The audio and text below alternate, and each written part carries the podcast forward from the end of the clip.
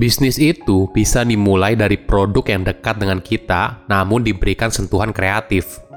Halo semuanya, nama saya Michael. Selamat datang di channel saya, Sikutu Buku. Kali ini saya akan bahas kisah inspiratif dari Benny Santoso, pengusaha muda olahan tempe dengan merek Ini Tempe di Bali. Produknya juga sangat digemari oleh para turis di Bali dan sering dijadikan oleh-oleh. Sebelum kita mulai, buat kalian yang mau support channel ini agar terus berkarya, caranya gampang banget. Kalian cukup klik subscribe dan nyalakan loncengnya. Dukungan kalian membantu banget supaya kita bisa rutin posting dan bersama-sama belajar di channel ini.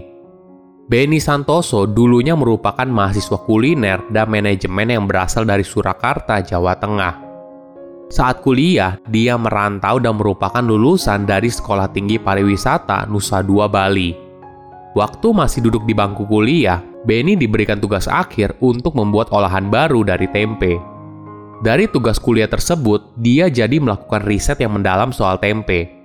Benny pun sampai datang ke pabrik tempe untuk mempelajari sendiri cara buatnya bagaimana, hingga akhirnya dia berlatih sendiri di rumah untuk membuat tempe sampai jadi. Pada awalnya, Benny dan teman-temannya mencoba untuk membuat tempe rasa keju dan tempe rasa bawang putih. Setelah bereksperimen berkali-kali, Benny pun bersama temannya akhirnya berhasil membuat tempe rasa keju. Idenya berasal dari guru biologinya dulu pernah buat tempe rasa cabe, jadi tempenya itu pedas. Dari situ, Benny pun lalu punya ide kalau tempe saja bisa dibuat pedas, berarti bisa dong dibuat tempe rasa keju. Karena mayoritas orang Indonesia suka dengan rasa keju. Lalu Benny mencampurkan kedelai, keju Italia, dan ragi tempe dan jadilah tempe rasa keju. Jadi, ketika digoreng dan dimakan, teksturnya tempe tapi ada rasa keju. Beda halnya dengan tempe rasa bawang putih. Walaupun sudah dicoba berkali-kali, ternyata masih gagal terus. Benny pun akhirnya sadar kalau bawang putih itu mengandung antibakteri sehingga mengganggu proses fermentasi kedelai menjadi tempe. Setelah lulus kuliah, Benny sempat bekerja di bagian dapur sebuah restoran. Hingga suatu hari, Benny teringat pada memori masa kecilnya saat menikmati tempe goreng. Inilah yang kemudian menimbulkan kecintaannya pada tempe. Jika di Jepang ada sushi, sedangkan di Italia ada pizza, maka bagi Benny, Indonesia bukan hanya dikenal atas nasi gorengnya, tapi juga tempe. Ini adalah makanan yang hampir seluruh orang Indonesia pasti pernah mencicipinya. Berbekal pengalamannya sangat mengerjakan tugas kuliah dulu, Benny pun mantap untuk fokus berkarir sebagai pengusaha tempe pada tahun 2016 dengan mendirikan Ini Tempe. Jalan yang diambil Benny sebagai pengusaha tempe boleh dibilang cukup unik, karena biasanya ini bukan bisnis anak muda. Perjalanan bisnis pertama Benny juga tidak mudah. Pertama kalinya dia coba membuat tempe dari 25 kg kedelai, namun sayangnya hasilnya gagal total. Pengalaman ini tidak membuat Benny berkecil hati. Dia mencoba lagi dan terus belajar, hingga akhirnya berhasil membuat tempe. Pelanggan pertama Benny adalah tetangganya. Dia menjual tempe ke tetangganya yang kebetulan bule seharga Rp10.000. Namun, tetangganya menyarankan kepada Benny jangan hanya menjual tempe polosan saja, tapi juga kreasi tempe yang lain. Dari situ, Benny mulai berpikir inovasi tempe olahan apa ke depannya. Dia pun teringat kalau ibunya suka membuat kue kering. Inilah yang kemudian membuat Benny punya ide untuk membuat kue kering, tapi menggunakan tempe sebagai bahan dasarnya. Tetangganya tersebut kemudian menjadi penyicip produk yang dibuat oleh Benny. Setelah dicoba, tetangganya memberikan saran kalau kue keringnya masih memiliki rasa pahit tempe yang kuat. Hingga akhirnya, Benny pun berhasil membuat cookies dari tempe. Pengalaman ini membuat Benny makin pede untuk menjual produk olahan tempenya, dan benar saja, produknya langsung laku di pasaran. Maklum saja, biasanya kita hanya tahu kalau olahan tempe itu dalam bentuk digoreng, dibacem, direbus, dan sebagainya. Dalam proses pembuatannya, Benny butuh waktu 6 hari. 5 hari pertama digunakannya untuk membuat tempe, dan satu hari khusus untuk mengolah tempe menjadi cookies. Menariknya, cookiesnya juga punya banyak rasa, yaitu daun kelor, rosella, kelapa, jahe, dan sebagainya. Selain itu, semua produknya vegan, gluten-free, dan natural. Tantangan awalnya dalam berbisnis tempe adalah edukasi pasar, karena produk olahan tempe yang dijual oleh Benny boleh dibilang unik dan tidak biasa dimakan orang pada umumnya.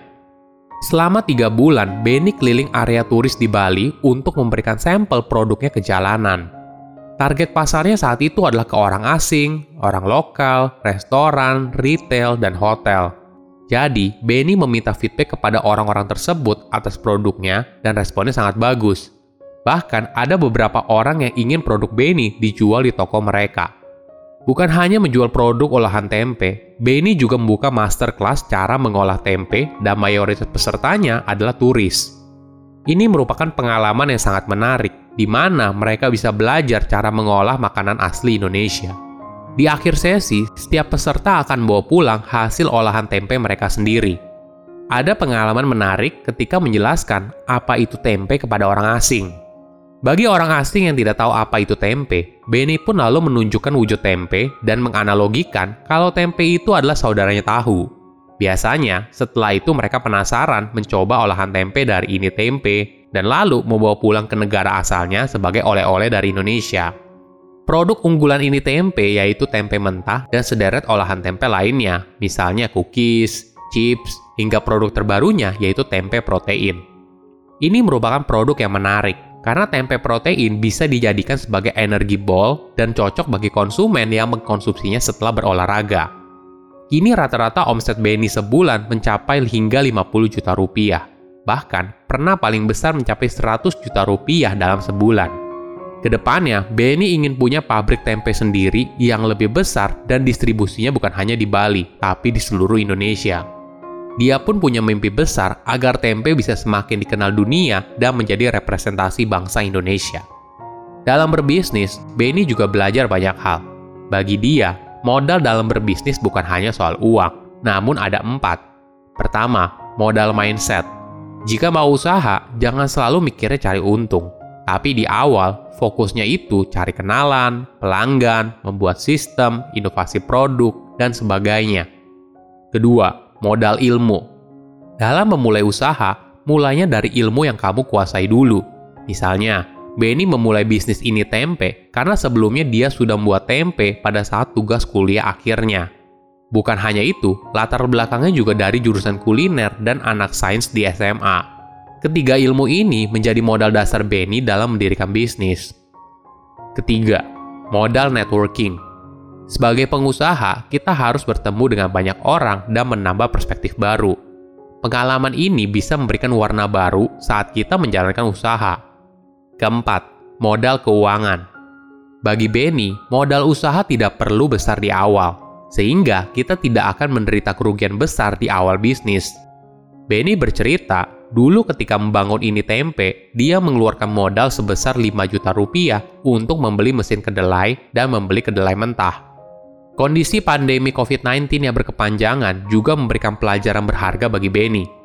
Walaupun pendapatan perusahaannya terus menurun, namun dia masih bersyukur karena masih bisa menutup biaya operasional perusahaan. Bagi dia, kondisi pandemi mengajarkan dirinya untuk banyak bersyukur. Dari yang awalnya terlalu banyak waktu untuk bekerja, sekarang jadi punya waktu untuk diri sendiri. Selain itu, momen ini digunakan oleh Benny untuk terus memperbaiki diri Misalnya belajar banyak hal, mulai dari public speaking, internet marketing, membuat konten video, dan sebagainya. Menjadi pengusaha harus kreatif dan jeli melihat peluang. Barang yang kelihatannya biasa saja bisa diberikan nilai tambah sehingga menjadi produk yang menarik. Silahkan komen di kolom komentar pelajaran apa yang kalian dapat ketika tahu informasi ini. Selain itu, komen juga mau tahu informasi apa lagi yang saya review di video berikutnya. Saya undur diri, jangan lupa subscribe channel YouTube Sikutu Buku. Bye bye.